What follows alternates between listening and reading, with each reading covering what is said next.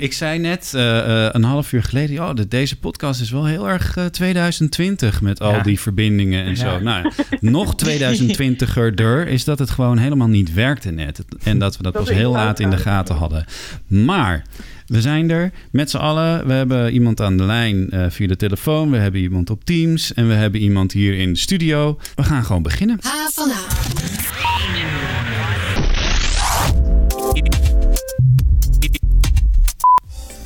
Een kwart van de eerstejaarsstudenten die recht hebben op een aanvullende studiebeurs vraagt deze niet aan. Dat lazen wij op uh, de site van de NOS vorige week. En uh, zoals de goede journalist betaamt, ging mijn collega Andrea Huntjens gelijk aan de slag. Zij dook bovenop het onderwerp. Want hoe zit dat hier eigenlijk op de HVA? Mijn naam is Daniel Rollens en deze podcast presenteer ik vanzelfsprekend met diezelfde Andrea. Fijn dat je luistert. Uh, Andrea, zo'n nieuwsbericht, dat kun je natuurlijk gewoon overtikken. Een paar cijfertjes erbij over de HVA en dan ben je klaar. Maar uh, jij hebt het anders aangepakt. Jij hebt ook echt drie studenten gezocht en gesproken die in zo'n uh, situatie zitten. Dat ze zonder financiële steun niet rondkomen. Um, waarom doe je dat en hoe doe je dat? Nou, dat doen we omdat het ja, dat nieuws is best wel algemeen. En uh, ja, ik weet niet, ik vind altijd een paar cijfers niet heel veel, niet heel veel zeggen. Um, dus dan ga je op zoek naar wat op de HVA speelt. Het gaat over en, mensen. Op, het gaat van mensen. Nee, toen ben ik op zoek gegaan naar studenten die dat uh, hadden meegemaakt. En ja, daar komen dan, ik heb er drie gesproken en daar komen dan zulke andere verhalen uit. En persoonlijke ja. verhalen uit. Dat dat juist, vind ik, heel mooi illustreert wat er fout gaat en wat er goed gaat uh, ja. bij de aanvullende beurs. Ja. En een van die studenten is uh, student Sarah. En Sarah, dat is niet uh, jouw echte naam, Sarah. waarom wil jij dat we je naam niet bij het artikel in deze podcast noemen? Uh, de reden daarvoor is omdat ik zelf best wel een complexe thuissituatie heb. Uh, en heb gehad natuurlijk. En ik vind het fijn als dat uh, voor mijzelf en voor mijn familie gewoon niet uh, online komt te staan. Ja. Um, maar ik vind het wel heel belangrijk om mijn verhaal te vertellen. Omdat het niet voor iedereen dus zo huisje, boompje, beestje is dat je zomaar een studiebeurs kan aanvragen. Precies, maar uh, dat het niet zo is dat als jij straks solliciteert om CEO van een bedrijf te worden, dat tot in de eeuwigheid via Google uh, die hele familiehistorie terug te vinden is. Uh. Naast mij hier in de studio zit studentendecaan Dinant Leegstra. Dinant, jij las het verhaal van Andrea en je mailde nog net niet letterlijk dat je bij mij in de podcast wilde komen. Uh, maar daar, uh, nou ja, je zit hier nu. Daar kwam het wel op neer. Waarom? Wat was er aan de hand? Nou, uh, en, ik vond het heel mooi dat jullie in beeld brachten, uh, want dat uh, de, situaties in beeld brachten wat er dan zou kunnen vastlopen met Duo. En toen dacht ik, hé, hey, maar dat gaat ook over mij. Want mijn dagelijks werk is om studenten daarin bij te staan, zodat dat proces wat soepeler loopt en ook regelmatig met een goede afloop. Ja, en eh, vorige week zat hier ook al iemand van de studentendecanen, Lidie van der Laar, dat is jouw baas. Zijn jullie met een soort charme-offensief bezig? Willen jullie meer bekendheid? uh, nou ja, het, uh, het, laat ik daar maar gewoon ja op zeggen. Ja, ja. Nou, dat is heel goed. Heel goed. Nou ja, vorige week vroeg ik al aan Lidie, waar vinden we die studentendecanen dan eigenlijk? Die vinden we op iedere locatie, of in dit geval vooral thuis uh, van, de, van de HVA. Dus iedere. Is er een soort loket of, of ja, er is een studentendecanaatspagina uh, en studentinfo. Okay. Via studentinfo is meer ja. een loket. Daar kun je ook verwezen worden naar het studentendecanaat. Ja. Nou, klopt het een beetje wat ze zegt, Dinant? Ja, ja? heel goed. Ja, ja. oké, okay, mooi. Nou goed, dan ga ik nog even reclame maken voor ons. Want uh, wil je meer nieuws en verhalen lezen, kijken of luisteren, dan ga je naar havena.nl. En wij zijn ook altijd op zoek naar leuke verhalen, um, leuke ideeën voor verhalen moet ik ook zeggen. Uh, zodat bijvoorbeeld Andrea met jou aan de slag kan gaan voor een tof verhaal op onze site. En uh, wie weet zit je dan wel bij ons in die podcast. Mail ons als je een idee hebt op havena.hva.nl of stuur ons een berichtje op sociale media. Je hoort de studenten van de HVA hier. Als jij door de security heen moet komen, waar zou je je drugs verstoppen? Uh, hoezo wil je zo graag horen? Ik ben bang als ik dat ga zeggen, dat, dat ze dan echt een rechtszaak tegen me aanspannen. Ja, oh, echt letterlijk. Welk meisje waagt zich nou in de wereld van lege pizzadoos en Playstation-avonden met energy drinks? ja, nou, nou wij. Wil je niets missen van het nieuws en de verhalen van de campus? Schrijf je dan in voor de nieuwsbrief op havana.nl. Is heel gek als je spreekteksten al een keer hebt uitgesproken en je moet de podcast opnieuw opnemen en dat je dat dan weer spontaan opnieuw gaat doen. Maar daar komt hij. Vorige week las ik dus dat bericht op de site van de NOS en daar las ik dat een derde van de studenten recht heeft op een aanvullende beurs, uh, maar dat 8000 studenten in 2018, dat zijn dan de laatste cijfers, die beurs niet aan heeft gevraagd. En gemiddeld liepen zij dan zo'n 175 euro per maand mis. Terwijl een groot deel van die studenten dat geld dan wel weer bijleent, of zelfs meer. Slechte communicatie, een taboe op het aanvragen, wat de reden ook is, het moet beter, vindt onderwijsminister Ingrid van Engelshoven. Andrea, ik wil voordat we verder praten van jou even weten wat die aanvullende beurs nou precies is en wie daar dan voor in aanmerking komt. Ja, dat is voor studenten die uh, op MBO, HBO en universiteit zitten. En ehm, die kun je aanvragen uh, als je ouders een laag inkomen hebben. Um, dan kun je een beurs aanvragen die uh, nou, krijg je eigenlijk gewoon een bepaald bedrag in de maand op je rekening gestort. En dat is anders dan een lening, want in plaats van een lening is het een gift. Dus als jij binnen tien jaar uh, je diploma haalt, dan hoef je het niet terug te betalen. Um, ja, en ja, dat was het. Dat was hem. Nou, heel mooi. Uh, ik ben zo iemand die er meer dan tien jaar over heeft gedaan en alles gewoon moet terugbetalen. Dinant, hoe was dat bij jou? Ik was net op tijd. Nee, oh, uh, ik heb er uiteindelijk uh, acht jaar over gedaan. Studiewissels, okay. dat, dat waren nog de tijden, jongens. Toen kon dat nog. Ja. het is nog steeds ik tien zou, jaar. Uh, willen, ik zou willen dromen dat ik dat kon. ik voel me nu een beetje alsof we worden weggezet als uh, boomers hier, uh, Dinant. Ja, nou het zijn ook de mannen die over het algemeen altijd wat langer over doen. Dat is wel bekend. Dat is nog steeds. Ja, en sterker nog, dus de vrouwen blijven ook meer over in het hoger onderwijs. Er zijn er steeds meer die in het hoger onderwijs zitten dan ja. de mannen. Ja. ja. Hoe zit dat eigenlijk? Nou, dat is een andere aflevering. Battle of the Sexes. ja. Battle of the Sexes gaan we in 2021 uh, doen. Um, schrok jij van de cijfers toen je dit las, Dinant? Uh, ja, en ze irriteerden mij ook professioneel. Want je weet dat dit ook financiële problemen of een financieel tekort op je begrotingje, gewoon boodschappen kunnen doen, geeft gewoon stress. Ja. En stress is iets wat niet helpt bij het studeren. Nee. Zeker niet. Uh, en al helemaal in een jaar als 2020. Ja. Vind je niet? Zeker. Ja. Um, vinden al die studenten die zo'n beurs zouden moeten krijgen, maar hem dan niet krijgen, vind, uh, komen die dan ook bij jullie terecht? Is dat een heel gebruikelijk proces? Uh, uh, ze komen bij ons terecht. Ik heb even berekend vanuit het nieuwsbericht om hoeveel studenten gaat het nou binnen de HVA. Ja. Nou, ik denk tussen de 4 en 500. Ja, en hoeveel zie jij er daadwerkelijk op jouw spreekuur? Nou, niet. Uh, dus dan werk ik bij een faculteit voor een bepaalde opleiding. Oké. Okay. Dus, maar ze komen. Dit soort situaties komen niet met tientallen voorbij. Hè? Nee. Dus er is gewoon een groep die niet bereikt wordt met deze fijne regeling van een aanvullende beurs. Ja. Maar gelukkig zijn er ook een aantal die ons wel weten te bereiken. Ja.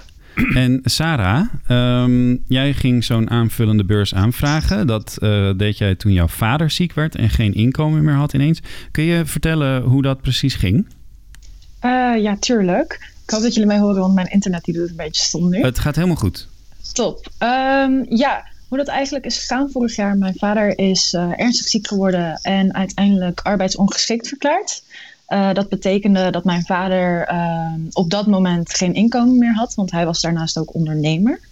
Um, dus uh, ik ben ook al heel mijn leven, um, godzijdank, financieel, financieel afhankelijk van hem geweest. Mm -hmm. En hij heeft mij ook heel erg daar altijd bij geholpen. Alleen uh, vorig jaar kwam er een schrik dat uh, dat misschien niet meer mogelijk was. En ik kreeg ook geen financiële hulp van mijn moeder. Ja.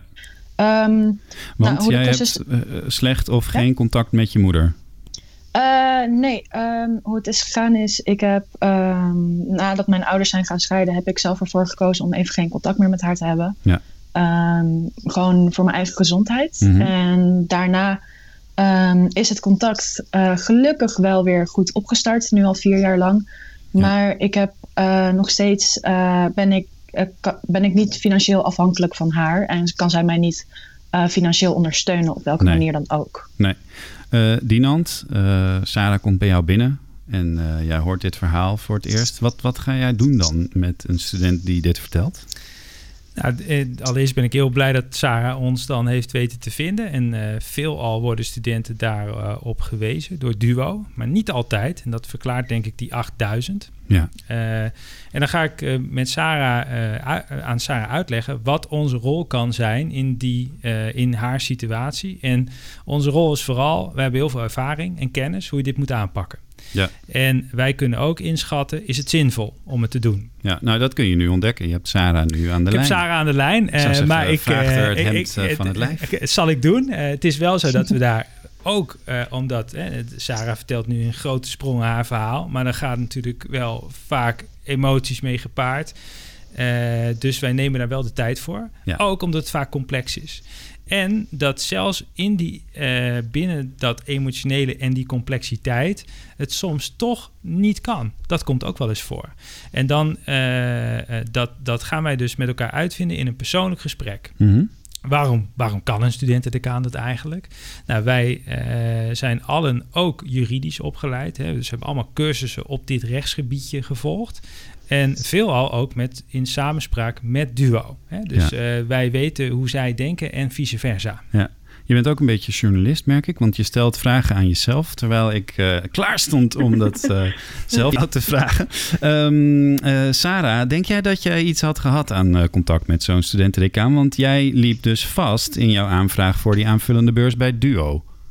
Uh, ja, dat klopt. Uh, mijn situatie werd op een gegeven moment zo ingewikkeld met dat mijn moeder in het buitenland woonde en mijn vader um, ondernemer was en ook geen, um, niet kon aangeven dat uh, hij dit jaar ziek was geworden en ook dus geen inkomsten meer had. Ja. Um, en uit het onopgenomen gesprek bleek dus ook dat als ik bij de studentendecaan terecht was gekomen, ik mogelijk iemand anders dan mijn ouders had gehad. Om uh, mij toch misschien onafhankelijk ja. te maken van mijn ouders. Ja. Um, ja, dus een ondersteuning eigenlijk. Ja, precies. Want eventjes, uh, we moeten heel even een paar sprongetjes terugmaken. Jouw vader had dus plotseling geen inkomen, want hij is ondernemer en hij werd ziek. Maar um, dan zou je zeggen dat Duo denkt, nou, we gaan je helpen. Maar zij pakken dus niet dat inkomen van dat jaar, maar een pijldatum daarvoor, toch? Ja, dat klopt. Ja, bij, ondernemers, uh, bij ondernemers is het geval dus uh, volgens mij één of twee jaar van tevoren. Ehm, daar pakken ze het inkomen van. En ehm, ja, indien dat inkomen bijvoorbeeld wel gewoon bovenmodaal is, dan krijg je natuurlijk geen studiebeurs. Um, maar omdat dat meteen was gezakt naar nul, wa was dat het probleem geworden. Dus daarom moest ik eigenlijk, of moest mijn vader iets schriftelijk tekenen van hé, hey, um, ik ben dit jaar arbeidsongeschikt geworden. Mm -hmm. ja. um, maar ja, daar had hij dus zelf gewoon geen puff voor, want hij was uh, ziek, hij kon niks. Uh, hij uh, sliep overdag meer dan de gemiddelde persoon. Ja. Um, dus en dat was gewoon niet mogelijk. Uiteindelijk heb jij je aanvraag stopgezet. waarom, waarom deed je dat? voor mij was het gewoon echt het, er zat te veel tijd in. Mijn zaak was te complex. Uh, ik uh, moest informatie van mijn moeder halen vanuit het buitenland ook nog, met haar inkomen. Hmm. En haar financiële situatie is ook alweer een heel verhaal. Uh, samen met dat van mijn vader. Dus het was echt zo. Ik moest zoveel regelen en wilde mij liever gewoon storten op mijn studie en op Ja. de dingen die ik wel leuk vind. En gelukkig ging het ook beter met mijn vader, dus hij kon mij financieel nog ondersteunen um, op, um, op dat moment. Ja. Dat ik op een gegeven moment heb gezegd van ja, weet je, ik um, kan dit niet meer doen. Maar de angst dat ik gewoon. Maar dat is op een meer praktisch, moment- zeg maar. Dat je Ja, dacht, nou laat maar. Ja, en de angst van op een gegeven moment, eh, de angst die ik eigenlijk had, was voornamelijk van ik ben afhankelijk van mijn ouders. ehm, of nou ja, van een ouder. En op dit moment ehm, kan ik er bijna alleen voor staan. Ja. En dan lukt het voor mij gewoon niet om ehm, hulp te krijgen van iemand anders. Ja, of precies. in dit geval de overheid. Andrea, jij hebt nog twee andere studenten gesproken. Zijn dat vergelijkbare verhalen? Um, ja en nee. Ik, het uh, verhaal van uh, Sarah herkende zij wel. Als in dat het, uh, de complexiteit van je eigen persoonlijke verhaal en je eigen thuissituatie, die kun je vaak niet uh, kwijt in zo'n aanvraag. Dus zoals een meisje die was niet erkend door haar vader. Nou, dan moet je dus je geboorteakte opsturen waarop staat mijn vader erkent mij niet. Mhm. Um, maar ondertussen had, verdiende haar moeder te veel geld. Uh, waardoor zij geen aanvullende beurs kon krijgen. Terwijl zij zei, ja, ik krijg helemaal niks van mijn moeder. Dus eigenlijk iedereen had een heel persoonlijk eigen verhaal, waardoor ze net tussen de ja, tussen wel een schip vielen bij die aanvraag. En je hebt in zo'n aanvraagformulier niet de tijd om, nou, zoals Sarah zegt, je hele levensverhaal ehm, te uiten. Nee, precies. Ik, ik hoor twee dingen. Uh, Zo'n verhaal, uh, Dinant, past niet in een paar invulhokjes. Um, dus daar moet je dan echt voor met iemand in gesprek. En daar zijn jullie dan voor, begrijp ik? Ja, daar kunnen wij. Duo doet dat zelf ook wel eens op een slagvaardige manier. Maar uh, zeker de hogeschool uh, heeft daar ook een taak in. En dat zijn de studentendecanen. En wij kunnen eigenlijk dat dat complexe verhaal kunnen wij destilleren tot juridische feiten, laten we het zo maar noemen. Die, uh, waar, uh, waar, waar je uit kan afleiden, heb ik toegang tot die voorziening, die aanvullende beurs, of niet. Ja.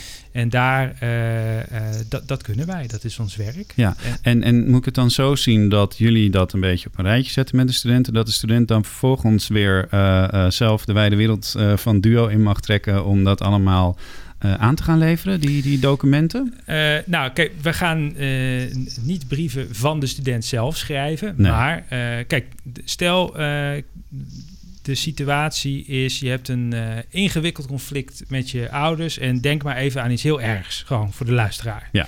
En ehm, dan kom je bij ons dan uh, dat schrijf je natuurlijk in kwetsbaarheid. Hè? Want dat, dat, dat is vaak een heel persoonlijk. Uh, de, de relatie met je ouders is per definitie persoonlijk. Ook al, zie, je, ook al zie je diegene niet eens. Mhm.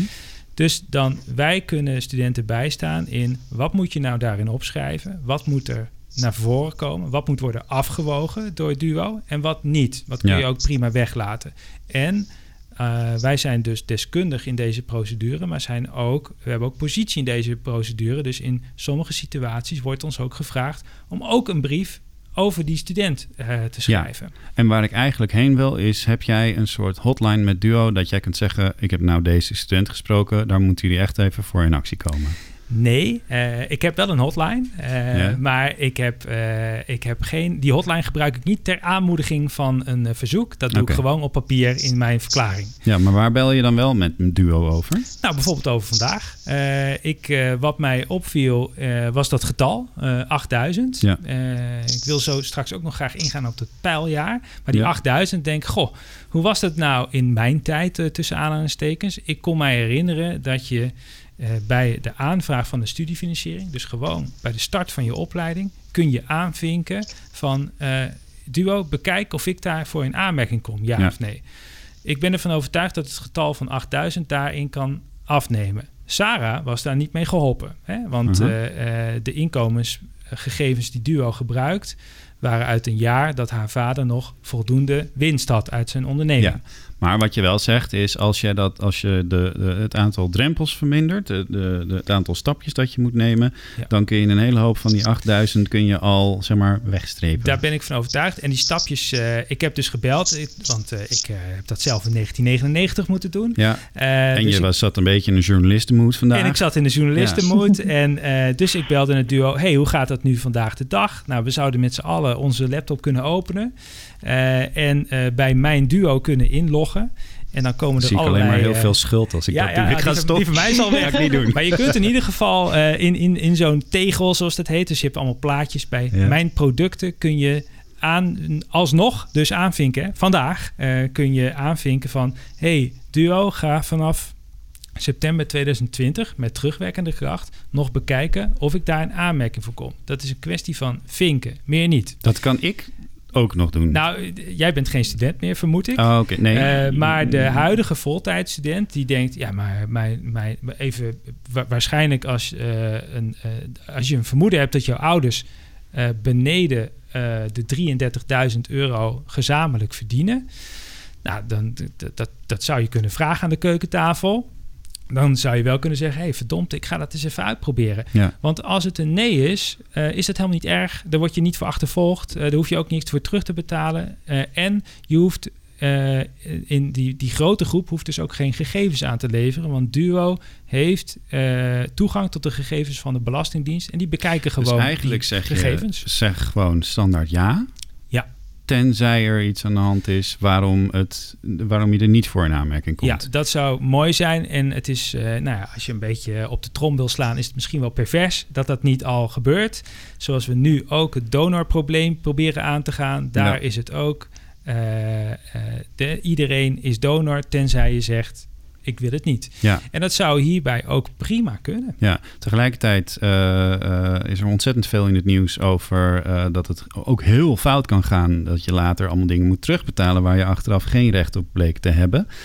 schuilt daar ook bij Duo zo'n gevaar in? Dat je misschien wel dus 175 euro per maand krijgt, vier jaar lang. En dat ze achteraf zeggen, ja maar ho eens even. Daar, uh, dan gaan we lekker de diepte in en daar sta ik voor open. Dus dat, dat kan altijd, hè, want er zijn altijd begrenzingen aan uh, het inkomen wat de student dan zelf verdient. Hè? Ja. Dus stel, je krijgt een aanvullende beurs en de student uh, verdient, ik heb helaas het getal niet in mijn hoofd, maar je moet toch wel pittig bij verdienen hoor, Mhm. om boven die grens te komen. Dan zouden ze kunnen zeggen, hey, je moet dat alsnog terugbetalen. Uh, maar ja, dat gebeurt eerlijk gezegd niet zo vaak. Nee. En die bijverdiengrens, want daar kun je dus op googelen, bijverdiengrens duo. Uh, daar, uh, dan kom je er snel genoeg achter. En dat, maar de, de, met een bijbaantje van 3 tot 500 euro per maand kom je er never nooit aan. Oké, okay. hoe, hoe erg carrièrevrouw ben je al, Sarah? Verdien je al meer dan dat bedrag? Uh, nee, zeker niet. Nee, oké. Okay. um, wat, een, ja? wat ik ook van veel uh, studenten hoorde, Dinant, dat was dat um, naast dat het dus een beetje zwart-wit kan zijn, um, hoe de aanvraag nu werkt, uh, is dat ook veel studenten zeiden, ja, het wordt gebaseerd op het inkomen van je ouders. Uh, dus je moet aan je ouders vragen wat zij verdienen, of zij moeten dat in ieder geval aanleveren. maar wat jouw ouders verdienen wil eigenlijk niet zeggen dat je ook daadwerkelijk daar iets van krijgt of hoeveel je daarvan krijgt. Um, weet jij waarom dat zo is? Dat het gebaseerd is op het inkomen van je ouders? Uh, nou, dat, dat weet ik. Uh, het is gebaseerd op het inkomen van je ouders, omdat van ouders wordt verwacht dat zij hun kinderen onderhouden. Uh, dat is dus eigenlijk gewoon een politiek besluit. En de tweede parameter hè, waar, waar aan wordt afgeleid van kunnen ouders dat eigenlijk wel, is het aantal kinderen dat uh, gaat studeren. Dus stel je bent het oudste, de oudste in het gezin, je gaat studeren en je krijgt geen aanvullende beurs. Als broertje 3 en 4 of 2 en 3 uh, ook gaat studeren, is het de moeite waard om het toch weer aan te vragen. Dus ik adviseer eigenlijk altijd: kom je uit een wat groter gezin, uh, nou, of misschien gewoon heb je één broer of zus, ga gewoon ieder jaar dat vinkje zetten, zodat uh, Duo die uh, belastinggegevens nagaat. En dan alsnog kan besluiten om jou eventueel een aanvullende beurs en ook die van jouw broer te vergoeden. Ja. Dus dat, maar dat ik denk dat heel veel studenten denken: oh, nou ja, ik heb het in het eerste jaar van mijn studie geprobeerd, die aanvullende beurs. Nou, dat werd toen niks. Nou ja, uh, het inkomen van mijn ouders is niet veranderd, dus uh, dat zal wel niet. Dat denk ik ook. Ik denk dat je daar, uh, nou, ik denk, ik, ik, ga je daar gelijk in geven. ja, dus dat zou eigenlijk transparanter moeten in dat opzicht. Ja, of, of wat, je moet een soort reminder krijgen met vergeet ja. niet de aanvullende beurs aan te vragen. Ik vind de, de site van Duo best informerend. Vond ik vroeger ook als student al. Maar het mag wel af en toe wat outreachender, zeggen we in de hulpverlening. Wat, wat, wat proactiever. Ja, ben ik met ja. je eens. Ja. Ik heb trouwens daarbij ook nog een vraag. Um, is het namelijk ook zo dat als je eenmaal die um, aanvullende beurs krijgt, uh, um, het ook kan schommelen in verband met de inkomens van je ouders? Want ik heb uh, zelf ook uh, van een kennis gehoord dat zij een schommelende aanvullende beurs kreeg, terwijl ze helemaal niks kreeg van haar ouders. Hij kan schommelen. Dus uh, je, je hebt een goed voorbeeld in je eigen persoonlijke situatie. Jouw vader is ondernemer. Je kan een slecht jaar hebben. Je kan een uh, verschrikkelijk goed jaar hebben. En dan kan inderdaad uh, in het volgende collegejaar, of in, het, ja, in, in het volgende jaar, kan dan de aanvullende beurs zakken of worden weggenomen. Dat klopt. Uh, maar, maar niet tijdens, uh, niet iedere maand. Hè? Dus, uh, iedere, dus het boekjaar 2020, 2019 dit jaar, ja. voor 2021 wordt 2019 bekeken.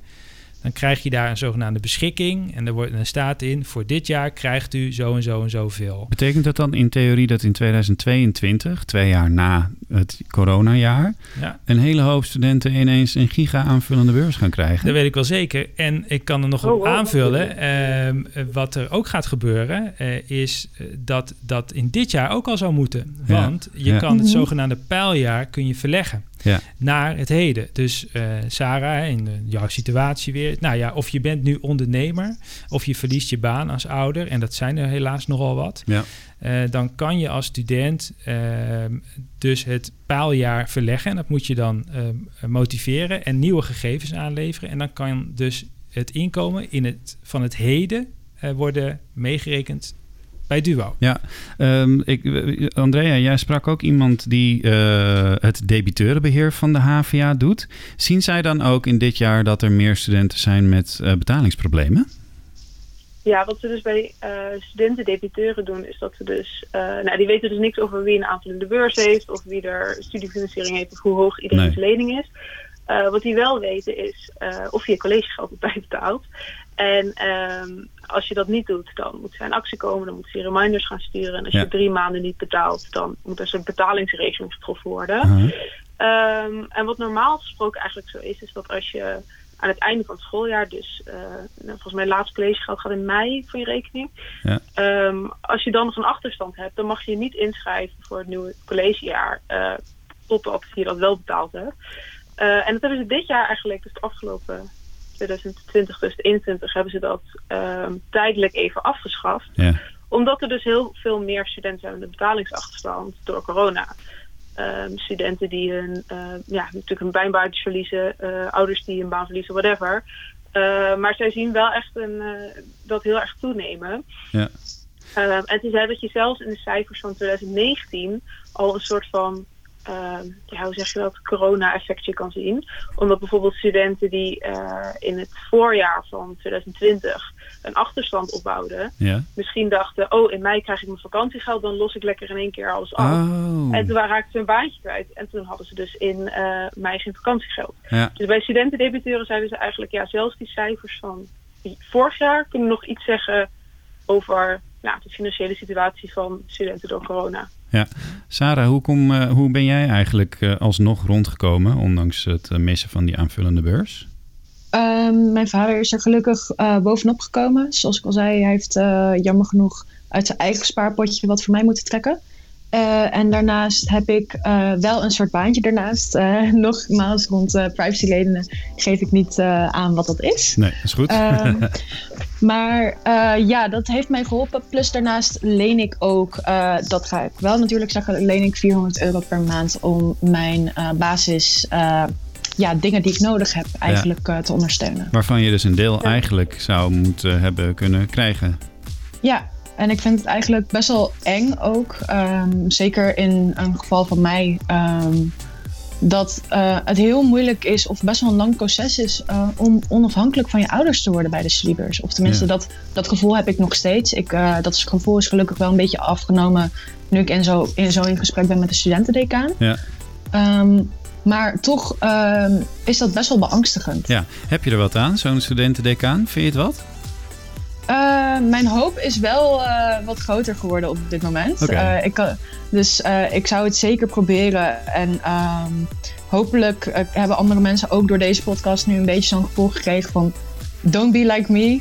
Um, graag naar de studentendecaan. Dat hoop ik, ik weet ook. Dat, ja, ik weet dat Duo het niet zo goed communiceert of heeft gecommuniceerd naar mij toe. Maar uh, probeer dat wel voor jezelf te doen. Want het is het echt waard. Het gaat, het, het ja. gaat over jouw situatie. Nou ja, Dinant charme offensief geslaagd. Je hebt een student die zegt wel de studentendecaan. weinig aan toe te voegen. ja, nou, ik denk...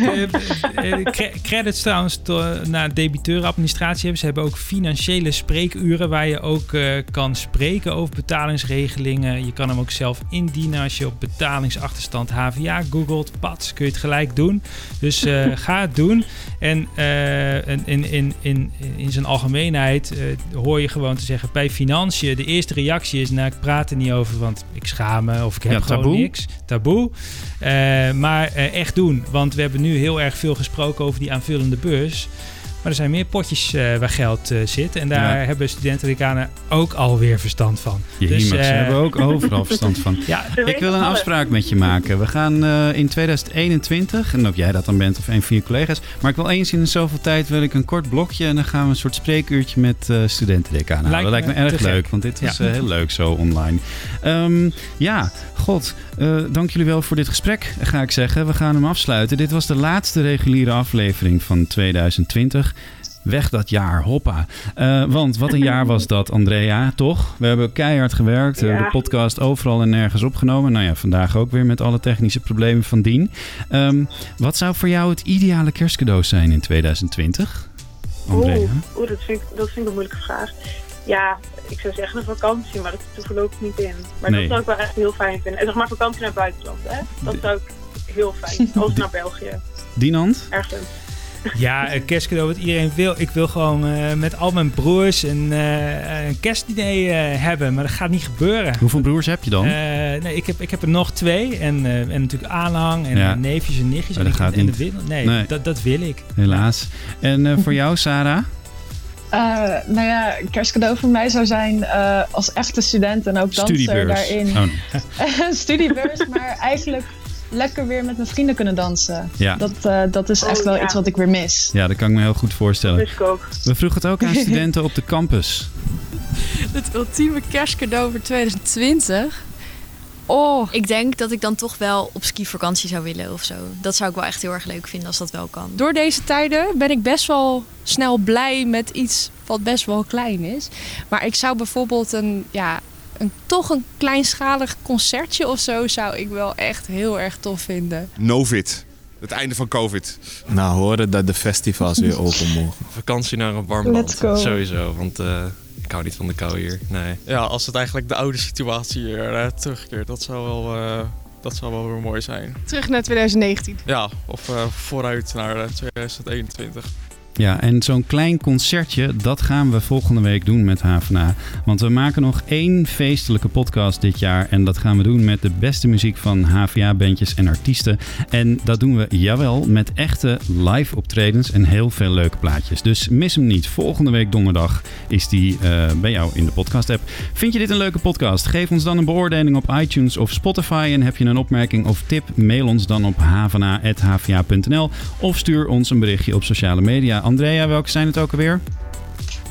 Uh, we zitten op Instagram, we zitten op Twitter, Facebook, LinkedIn als daar nog mensen op zitten. Ja. Uh, ja, dat. Ja, niet ja. op TikTok, niet op Tinder. Komt nog.